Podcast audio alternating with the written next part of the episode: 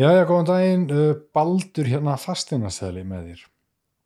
Sko, ég ætla aðeins að tala um greiðslumat, af því að þetta er, það er rosalega sérstök staða akkurat núna þessa dagana. Þetta getur breyst í teka fram að ef að þessi þáttur er gamall nokkra vikna, þá getur hann verið úreltur, en eins og staðan er núna í dag, þá er,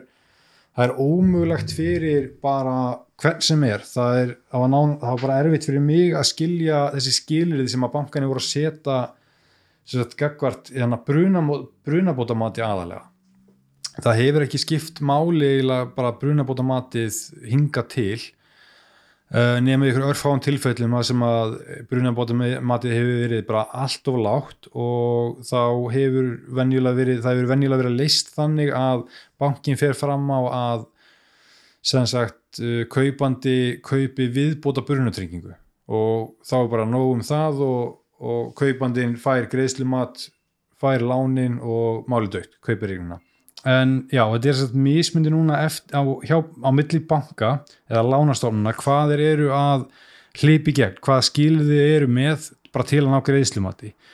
Hinga til hefur oft verið miða við þessi 80% uh, aðalega fyrir fyrstu kaupundur 80-85% af hennar söluverði og það hefur yfirleitt bara dugað í einhvern tilfellum 70% af fastegnamati en núna hefur vandamáli verið að eignir hafa hækkað þar hratt að brunabótamatið hefur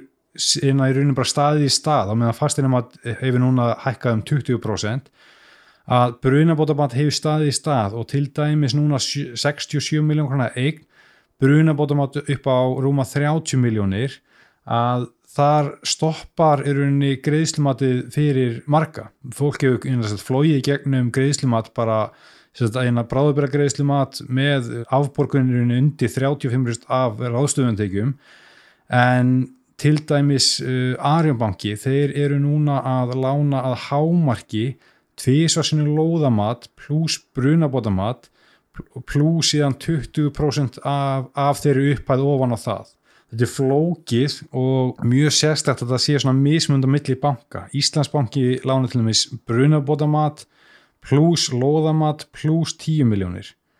og ekki nú með það heldur lánar landsbankin brunabótamat pluss loðamat og það svo tala má ekki vera meira en 70% af söluverði. Þetta er rosalega sérstækt og í rauninu bara ómögulega sérstaklega verið fyrstu kaumundur að bara vita hvað þeir geta fengið, hvort þeir nái greiðslumati yfir höfuð eða ekki. En já, þú getur kannski hlusta á þetta aftur eða þú vilt uh, skoða hvort að þetta passi miða við þín kaup, Ari og Banki 2000 loðamat pluss brunabótamat og 20% ofan á það. Og þessar upplýsingar brunabótamat og loðamat þú finnur það á sölu yfirliti ef þú skoðar eign að og það getur verið rosalega gott að stilla upp þessu dæmi miða við hversu hátt lánu þart hvort að bara hversu hátt brunabóðamati þarf að vera og lóðamatið. Að þetta styrkiði líka bara sem kaupandi að vera með þetta klárt þegar þú gerir tilbúð það getur sagt við fasteignarsælan er ég með greiðslumat upp á þetta ég, sé það að bruna, miða við brunabóðamat og lóðamat að þá gengur þetta upp fyrir mig. Þannig að það, það styrkiði bara rosalega sem kaupanda því að fasteignarsælan eru farin að spurja þessu og ef að e, það er hægt að stilla þessu upp og, og skoða það í tilbúðaskerðinni en, en það er ekkit endilega tækifæri til þess með fastinarsalanum ef að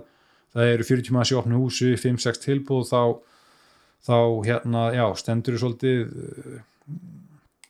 ítla þannig ef, að, ef þú ert ekki tilbúin en það er lítið mál að hafa samband við ykkur á fastinarsala í róleitum fyrir áður og bara þegar þú ert í ferlinu og fá hjálp með þetta eða eða eitthvað sem þekkir til en þetta er fáranlegt og vonandi breytist hratt. Þetta er sko ekki bara svona, ég ætla ekki að hafa þetta neitt mjög langt, þetta er svona kannski eitthvað til að hafa í huga að þó að þú náir greiðslumati bráðbæra greiðslumati, að þetta er ekki heldur inni í lánareiknum á netinu. Lánareiknir hjá